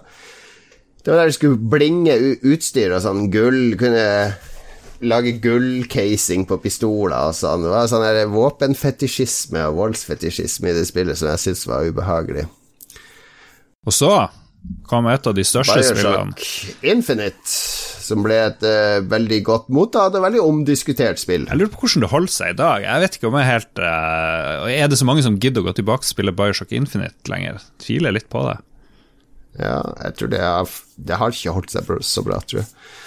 Men det var veldig artig når det kom. Veldig, tok opp litt sånn der eh, poli, Veldig politisk spill. eh, Lada med, med klassekamp og rasisme og mye annet, så det tok opp. Eh, kanskje litt Hva skal jeg si crude i fortellerstil, men det fikk meg til å lese en veldig god bok. Som var mye av fundamentet for spillet, var jo verdensutstillinga i USA på slutten av 1800-tallet i Chicago. Uh, og det er en bok, uh, The White Devil in Chicago, eller noe sånt. Det var en massemorder som herja under den verdensutstillinga. Han hadde et hotell der han drepte gjester. gassa, han hadde slapp inn gass på rommene, og så drepte han de i kjelleren, og så kremerte han de i en ovn han hadde installert i kjelleren. Så han drepte en hel haug med folk det året der. han hadde jo perfekte opplegget, da, egentlig. Det, det var jo smooth operation. Jeg husker, ja, det jeg husker best nesten fra Bioshock Infinite, det var at det var ganske smooth spill. Det var ganske bra kontrollere. Og så var det veldig mange seksjoner hvor du drev og hang i en noen sånne vaier eller et eller annet. Du var veldig mye i lufta, drev og suste hit og dit. Uh. Som ikke så mange har gjort etterpå. Jeg er litt pressed for time, for jeg må kjøre en unge om et yeah. kvarter. Kjør så vi må peise på her. Peis på. Uh, april, Don't Starve. Marian Donkey Kong Minis on the Move. Genialt puzzle-minispill. Uh, Resident Evil Revelations var et dårlig forsøk på å ta Resident Evil over på 3DS.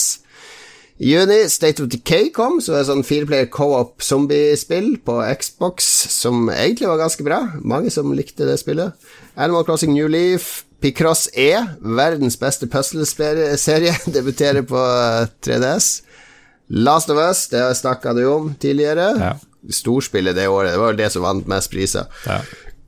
Company of Heroes 2, og så til slutt uh, Towerfall, som var det ene ja. Oya-eksklusive spillet. Fireplayer uh, eh, 2D-spill der man skyter pil og bue på hverandre og hopper opp og ned og samler piler og powers. Og Det kan du få på alle maskinene i dag, og det anbefales veldig. Det kommer på PlayStation og alt. Kjempebra spill. Mm. Så i juli Dota 2 kommer dette året, så et av de dominerende Moba-sjangerspillene. League of Legends er vel det aller største nå, men de som kjenner det, Lars, hva, hva, mener du er best av Dota 2 og League of Legends? Aldri spilt noen av de. I don't know. Sånn som jeg forstår det, så er Dota 2 det som er mest avansert.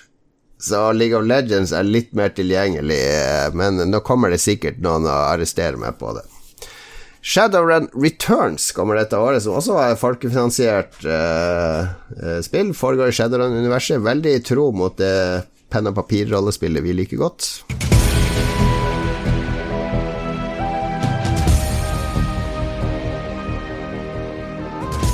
Så er det august. Pikmin 3.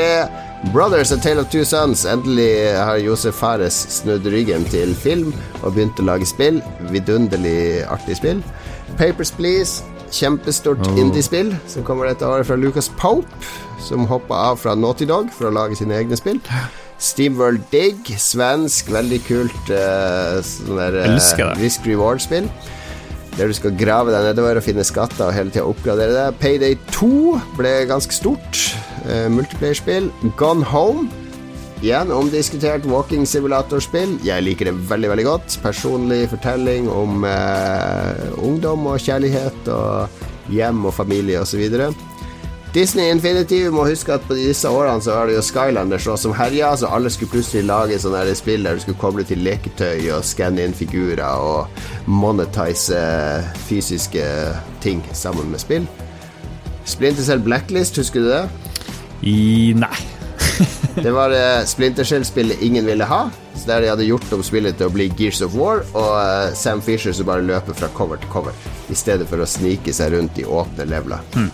Og så var det 868 Hack, genialt mobilspill som kom på denne tida, der du skal hacke gjennom et rutenett med mm. fiender. Ja. Jeg spilte det. Ja, det, var, det holder seg bra. September, Total War Round 2, Wonderful 101, VU, liten perle av et et superheltspill, det.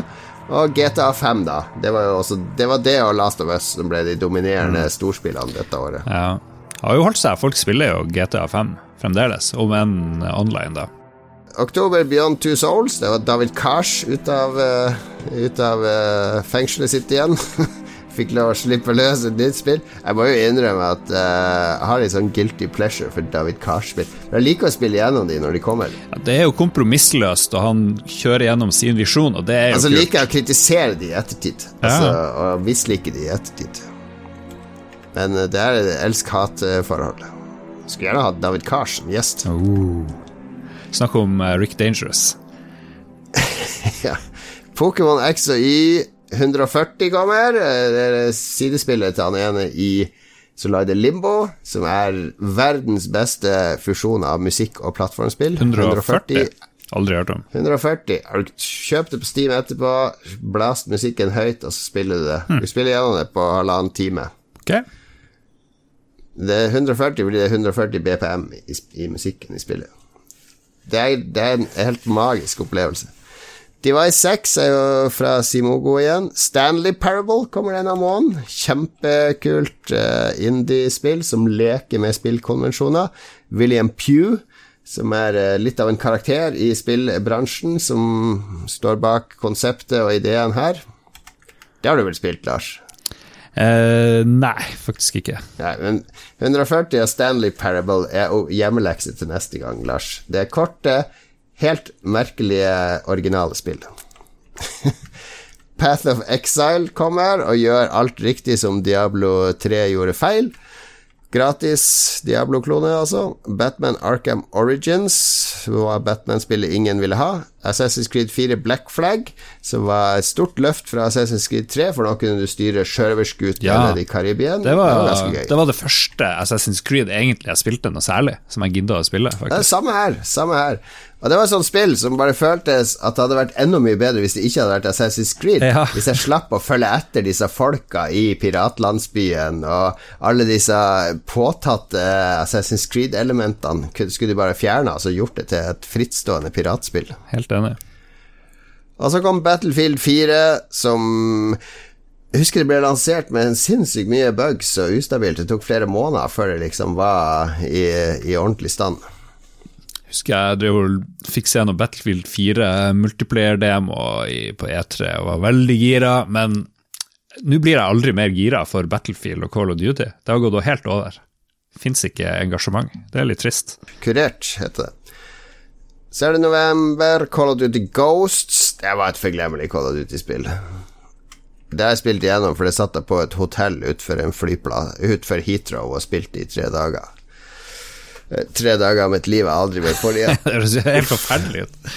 Ja, det var grus. Jeg har, jeg har et av brevene mine til Patrions handla om akkurat den opplevelsen der, når jeg søkte tilflukt ute ved et epletre i bakhagen, der jeg sto under høstbladene og så opp på flyene og lurte på hva i faen jeg hadde gjort med livet mitt for å fortjene å sitte innelåst på et hotellrom i tre dager og spille Call of Duty. Uff.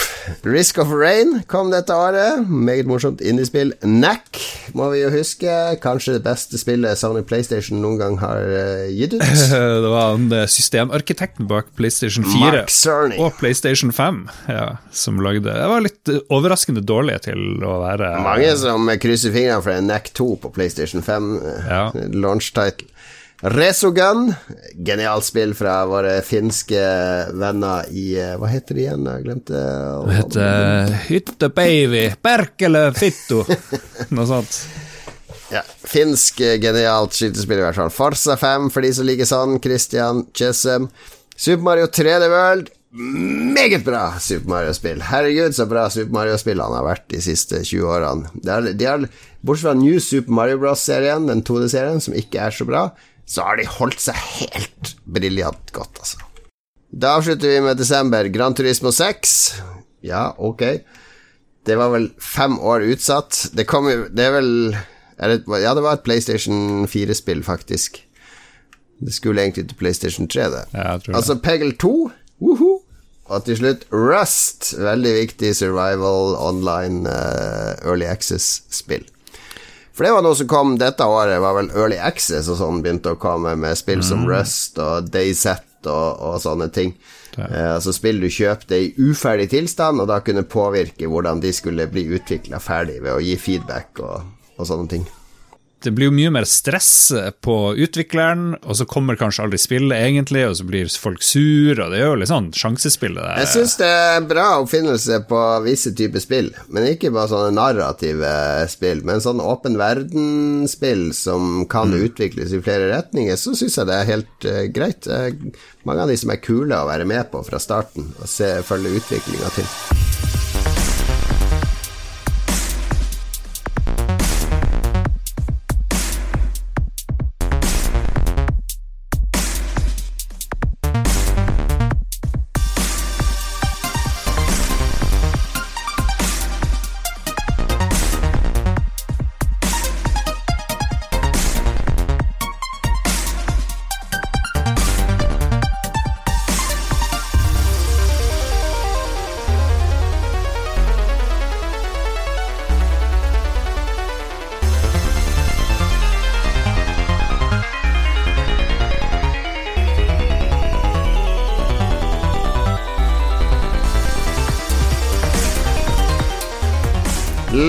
Lytternes spill 2013.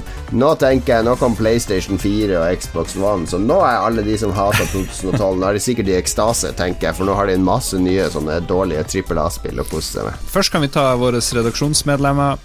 Mats Jo. Rindal Johansen. Han elsker selvfølgelig Path of Exile. Det driver han jo og spiller enda. Ja, det har jeg spilt litt, jeg òg. Sånn som Warframes er jo det et av disse gratisspillene som bare fortsetter å bli bedre og bedre og bedre, med en stor following. Ja. Han nevner Bioshock Infinite og Brothers A Tale of Two Sons. Jeg vet ikke om jeg og han spilte det i lag, jeg husker ikke helt. Med han eller vår venn Jens Arthur. Det er veldig bra. Spill eh, Brothers, eh, veldig koselig. Spill litt trist. Eh, Ståle Baldvinsson han eh, tuller ikke denne gangen. Han nevner Lego City Undercover til Wii U, som det her året var eksklusivt på Wii U-en. Og så sier han at det her spillet var det som best benytta seg av funksjonene til Wii U, bedre enn Nintendo sjøl. Du hadde kartet på kontrollen, ja, var mikrofon og touchpad ble også brukt. Det jeg husker best med Lego City Undercover til Wii U, var at jeg fikk jo kode på det for å anmelde det når konsollen kom, og det var på 25 gig. Og internminnet til Wii U var sånn 27 gig. Så det tok liksom Jeg kunne ha det spillet og ingenting annet lasta ned til Wii U. Typisk Nintendo eh, skal få det billigst mulig. Og det tok ti timer å laste ned. Det var treigere enn PlayStation 4-nedlastinga. Siste redaksjonsmedlem som har bidrag, det er Philip, som sier at 2013 derimot ble et veldig bra spillår. Ja, det ser du. Ok, Men hans topp tre er Super Mario 3D World, Grand Theft Auto 5 og Det er hans topp tre. Hans topp tre er Super Mario 3D World og Grand Theft Auto 5. Bra jobba, Philip! ok, hans GM, da, han er jo på lytterne. Nino Kuni var helt fantastisk, og jeg er enig. Jeg husker det spillet veldig godt. Det, jeg, kjøpt, jo også, jeg kjøpte jo Collectors Edition av den. Mm. Fikk du den boka der? Ja, for der har du en bok som er spillboka, og som faktisk eh, Først ja, det er en sånn bok med et spill som er kjempenyttig å ha, for du kan drive og, og lese i den mens du spiller. En veldig fin bok.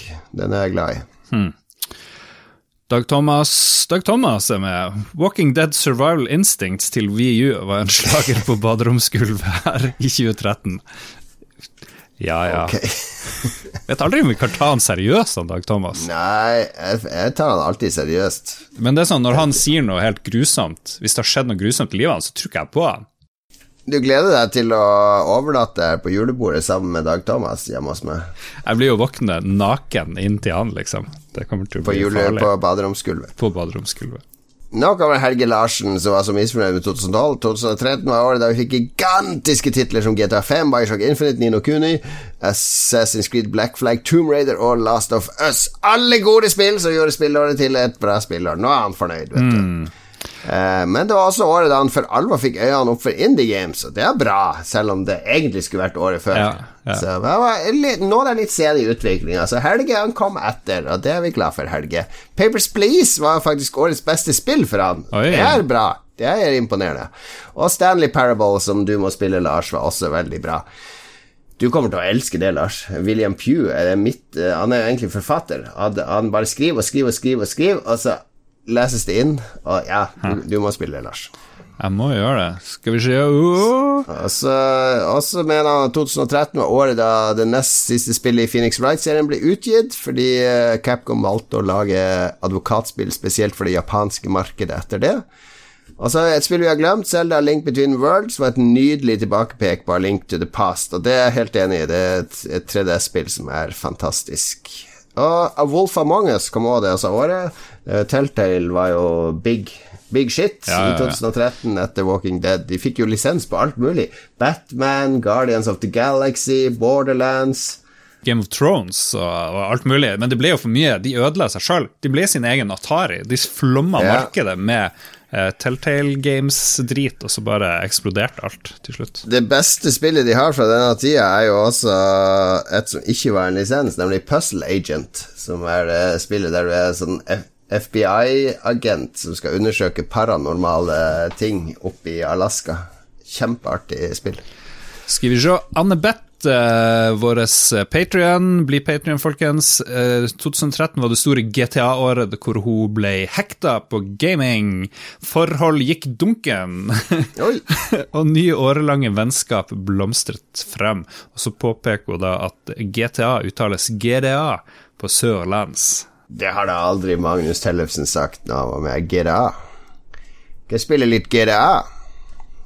Good og fett på gira. Roar Granevang han nevner Tomb Raider-rebooten, som jeg elsker, elsker, elsker. Uh, ikke dårlig. Uh, at de etter mange år klarte å lage et morsomt spill med Lara for oss som ikke er glad i å loke rundt i gamle gravkammer, men i stedet vil se blodige drap. Det var ganske brutalt der, Tomb Raider. Det husker jeg nå. Altså. Ja, det var, det var en sånn video med Conan O'Brien som spiller det der. Eh, hun blir eh, spidda når hun flyter nedover en sånn elv, mm. og Conan reagerer sterkt. Ja, hun driver jo Mone, og det er jo litt sånn her halvseksualisert vold, nesten, vil noen si. Ja. Torbjørn Braus Skov, han er vel arkeolog, ikke han det? Ja. ja. Han tror han skal finne noe oppe i Finnmark. men, men, det er ikke noe overraskende at han har med spelunky på lista. Eh, selv om han var ett år for sent ute. Men sånn er det. Arkeologene kommer alltid når ting er, er forsvunnet under bakken. Det er da de kommer. Så det tilhører jo faget. Mm. Uh, Håkon Puntervall, Ducktales Remastered, som jeg ikke har spilt noe særlig, men sinnssykt bra musikk. Jeg husker Moon Theme, husker jeg, det er jo uh, dri, dritbra.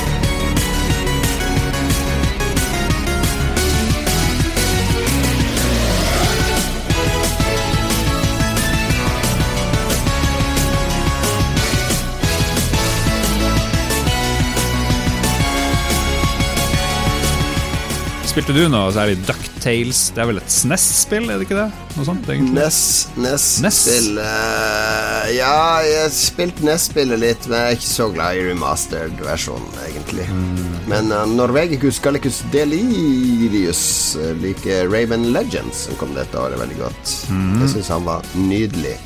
Og så har vi han Sten Tony. Han Sten Tony uh, Det her var året han begynte å fly romskip. Er det Sten Tony eller Sten Tony? Stentoni. Tony? Stentoni? Jeg, jeg har jo snakka med han, han er fra Det er veldig Ankernes, da. Og Stentoni Skal ta til Stentoni og spille litt EVE Online! ja. Er han fra Ankernes? Nei, han er fra Finnmark, tror jeg. Ja. Finnmark. Ok, han Stentoni liker å fly Det var året han begynte å fly romskip i EVE Online. Ca. ti år etter betaen, og det spilte han faktisk fra 2013 til 2018. Oh. Det tok for mye tid av livet hans, men absolutt et veldig bra spill som i dag ennå står sterkt. Og det er vel noe nytt på gang i EVO Online nå. Jeg hører at det har vel vært en sånn alien invasion der, som oh, ja. er litt unprecedented, fordi det har egentlig vært 100% spillerstyrt. Altså alt NPC-er har bare vært i veien, ikke noe trussel og sånne ting. Så spillerne har styrt maktkampene, og så plutselig kom det noen aliens som ingen vet hvor kom fra, men som CCP har kontroll på. Så det har skjedd mye der. Artig mm. å følge med på. Den som får siste ordet i lytterspalten, er Martin Pettersen, som trekker frem Rogue Legacy. Er det så gammelt? Shit, det var ja, veldig bra. Det er nok det. Og Path of Exile, som var alt Diablo 3 burde vært. Ja, det var det, det, vi sa. Ja, Mye drit som vanlig i filmverdenen. Amen, brother! Uh, men 12 Years a Slave og Dallas Buyers Club gjorde inntrykk. Jeg har ikke sett noen av de. I musikkbransjen kan vi være, alle være enige om at Daft Punk sitt comeback var ganske kult. Bra album om vi ser bort fra landeplagen Get Lucky. Tenk at det er så lenge siden Get Lucky kom. Jesus Christ Rooney. Uh, 2013, mine favoritter der, uh, hvis det er noe jeg husker best Jeg spilte overraskende mye Animal Crossing New Leaf uh, i 2013. Det var morsomt. Ja. Flytt litt over i hverandre, for jeg liker ikke å dele spill inn i år. Konstruktivt. Nyttig bidrag. nyttig som alltid. Anbefalinger må vi ha med. Nå ser jeg at det står Barl og venter på meg, hører jeg ned for trappa. Så jeg tar min anbefaling kjapt, og så kan du spille inn resten, Lars, uh, alene. Bare fake at jeg er med. Ja. Lag noe deep, deep voice-greier. jeg skal ta en film. Vi tar jo anbefalinger fra de årene. Du holder deg på det fortsatt? Så jeg har tatt en film fra 2012. Ja. En eh, perle av en film fra en av Norges beste regissører, Joakim Trier, nemlig Oslo 31. august.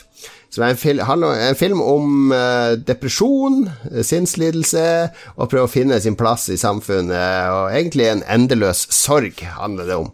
Veldig, veldig trist uh, og god film, som jeg så på kino med min ferske kone på den tida, og som jeg ser på nytt nå, fordi akkurat nå har Criterion Channel, min favorittstreamekanal, som egentlig kun er tilgjengelig i USA, den har uh, sånn double billing med Joakim Trier. Eh, Oslo 31. august og reprise. Og det er en film som ikke gjorde det så bra på kino i Norge, fordi i Norge så har vi noe som heter sånn Oslo-rasisme. Så alle som ikke bor i Oslo, de hater alt som har med Oslo å gjøre. Så når en film heter Oslo 31. august, så sitter alle oppe i Nord-Norge og sånn Nei, det skal jeg i hvert fall ikke se på kino, noe sånn kaffe latte-drikkende uh, Oslo-folk. Nei, det, det er ikke aktuelt å se. Men Kast fra deg dine fordommer, du som ikke bor i Oslo, og så tar du og så ser Oslo 31. august, og så får du et innblikk i den norske tristheten som kanskje kan gjøre deg til et bedre menneske. Har du sett den, Lars? Selvfølgelig har jeg ikke sett den. Sånne folk som går og er trist nede i Oslo, hva faen er det? Ta nå Skjerp dere, jævla sure Likte du Joakim Trier-filmen Thelma, da, som jeg anbefalt før? Mm, Var ikke noen stor fan av pretensiøs eh, tull, tullefilm, Thelma. Eh, For det er den siste filmen, tror jeg, i Oslo-trilogien hans, der Oslo 31. august er nummer to.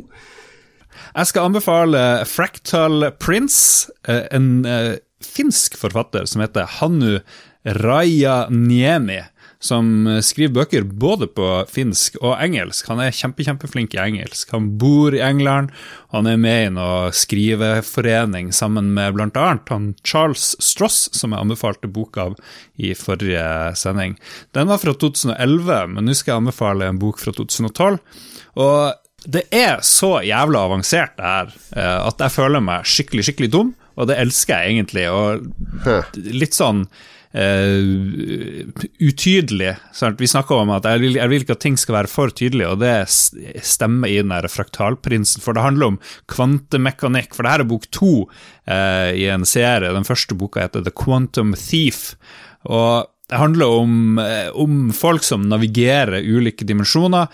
Bak det hele så ligger det en sånn her eh, heist-handling. Det er en sånn gentleman Heist her òg. Heist. Hovedpersonen heter Jean Le Flambeur, og flambeur betyr vel tyv, tror jeg.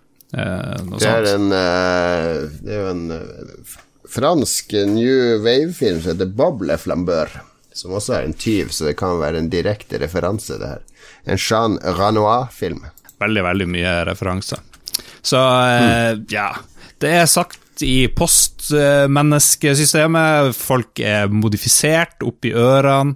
De har romskip, og de har eh, eh, kryptografi inn i ræva, og de eksisterer på ulike plan. Så det er sånn nesten helt umulig å forklare på noe fornuftig måte hva som skjer. Men eh, tenk eh, Oceans Eleven bare i, med flere dimensjoner og eh, flere utgaver av samme karakter. Og, ja, det tar veldig av. Veldig bra skrevet. Til å være en fyr som ikke har engelsk som førstespråk, så jeg slått i bakken over eh, The Fractal Prince fra 2012. Men jeg er litt forvirra her, fordi for det første er det, det, du, det du beskriver nå, er omtrent det samme som The Quantum Magician, som du har anbefalt tidligere. Ja, som også handler om et heist i verdensrommet, eh, og som har kvantum, fraktal, uh, i tittelen. Du snakker om en bok som heter Quantum Thief. Ja. Jeg har veldig mange spørsmål her nå. Er det sånn at du automatisk leser bøker med litt sånne matematisk-tekniske begreper som kvantum og fraktal og sånn? Jeg vil uh, kort svare ja. Ja. Og er det sånn at du elsker sånn heist-historier i sci-fi-setting, siden det her er andre boka du har anbefalt med sånn eh, crew som skal på heist i dimensjoner av verdensrommet? Absolutt. Affirmative. Ja. Men hvis man må velge mellom Quantum Magi Magician og Fraktalprinsen, hvem er det man skal Du ser et, et bisart mønster her, Lars? Er det, er det egentlig Lever vi i en simulator, en eh, AI? Kan det virke som. Og AI-en som driver og lager kunst, har begynt å slippe opp for ideer, og kommer nå med akkurat de samme bøkene på gang på gang, bare med litt Ja. ulike ord i tittelen, vil jeg si. Ja, hvem vet? Men først og fremst ble du imponert over at jeg huska din syv-åtte måneder gamle anbefaling. Jeg trodde du sona helt fullstendig ut når jeg Det er en av oss som følger godt med på hva den andre sier under anbefalingsspalten. Veldig, veldig bra, Jon Cato. Finn. Nei, men Fraktalprins The Fractal Prince av Hannu Rajanjemi. Ja, oppfølgeren til The Quantum Thief, som uh, dere selvfølgelig Men vil trenger man å lese. lese The Quantum Thief først, eller Ja. er de frittstående bare i samme univers? Jeg ville lest den første, altså. Det ville jeg gjort. Absolutt. Okay. Ja. Ta, ta de to og sted til jul. Uh, og hvis du klarer å spore opp Oslo 31. august på en eller annen streametjeneste Den er på Criterion, men den er litt US only, så du må VPN-jukse hvis du skal abonnere på den. Men kanskje er den på iTunes, for alt jeg vet. Så absolutt verdt å se, selv om du hater Oslo. Det har ikke noe med Oslo å gjøre, egentlig, bortsett fra at det foregår på ulike steder i Oslo. Det har med livet som vi Livet ditt og livet mitt. Mye caffè latte, og mye sitte og gå på Karl Johan og Hysjnola! Eh,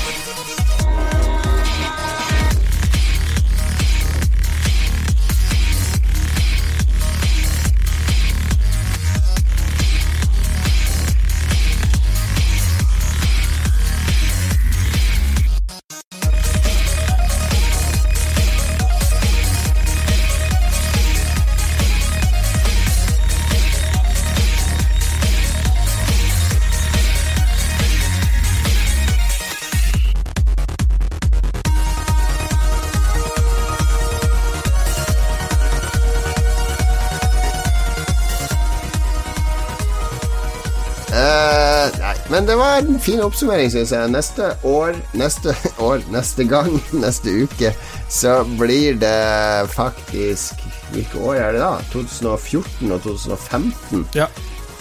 Da er det jo PlayStation 4 og Xbox One skal begynne å vise muskler, for de er jo ute på markedet nå. Har vært ute ett og to år. Uh, Nintendo sliter med VU, som ingen er interessert i. Er det noe annet vi kommer på her på stående fot som skjedde i disse årene? Ingenting. Vet Ja. ikke. Hukommelsen eh, er som sagt ræva. Ja, men dette var også for å understreke hvor mye research vi gjør i forkant av disse episodene. Fordi nå Vi husker ingenting om 2014-2015, men når du hører neste episode, så vil vi være to leksika innen 2014-2015 og populærkultur i de årene. Spør meg om Nobels fredspris i 2015 om en uke. Får du- Var det da Obama Nei. Obama har vunnet for lenge siden. Mm, ja Le Leger Sans Frontiers vinner vel et av disse årene vi skal gjennom. Eller er det også lenge siden? Eh, Ingen vet. Ingen vet. Herregud. Herregud. Per-Willy Amundsen, når fikk han fredsprisen? 2025 foran den. Ok. Det er spådom fra Lars. Vi takker for oss for denne episoden. Takk til våre produsenter. Ja. TTMXMP, Kobrakar84, Kampsauen og Rolf Helge Øvergård Ingebrigtsen. Bli Patrion du òg, på patrion.com slash lolbua. Ja, minn om hva du kan gjøre når du ikke hører på Lolbua, som er Lolbua-relatert. Vi streamer litt innimellom. Det har vært streaming av både Destiny-spilling med Katarina, og Philip har også debutert i Destiny. eh, vi streamer også andre spill innimellom, så følg oss på Twitch. Lolbua Entourage er gruppa for å holde det mest mulig intern med oss i redaksjonen. Der poster vi mye rart på, På Facebook. Facebook, ja. Og vi er på Discord. Begynt, ja, Discorden vår er viktig. Der er det quiz hver onsdag med Kampsauen, som har blitt veldig populært. Stemmer, stemmer. Og så var det Patrion, da. www.patrion.com slash bladibla lolbua. Så kan dere støtte oss med Det er ikke slash bladibla lolbua, det er slash lolbua. Der kan du være med hvis du vil, og der kan jeg minne om at alle Swappers eh, Swapper-utsendinger for eh, dette halvåret er nå klar, og den blir sendt ut om ca. to uker, fordi da skal alle i redaksjonen komme på julebord. Og som fin oppvarming på julebordet så skal det ligge sånn 40 pakker klar der, så man kan skrive på litt navn og tegninger og sånt som skal til alle våre swappers. Så er du interessert i julegave fra Lolbua, så bør du slenge deg på swapper-tieren allerede nå, Ja. så er du sikra å få en liten gave i posten fra oss før Du jul. bør vel gjøre det før månedsskiftet, for da vet vi at uh... Ja, gjør det før, før 31. november. Alle som er på Swapper-tieren før 31. november, de vil få en overraskelse, fysisk overraskelse i posten, personlig hilsen osv. før jul. Så det blir en eh, garantert hyggelig jul. Det var det. Vi snakkes igjen neste episode. 2014-2015. Bare å glede seg. Ha det bra! Ha det!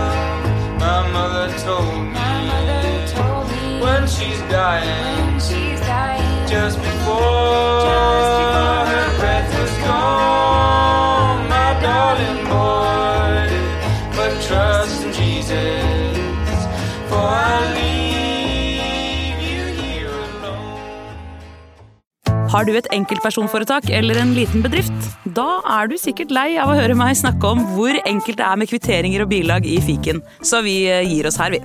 Fordi vi liker enkelt. Fiken superenkelt regnskap.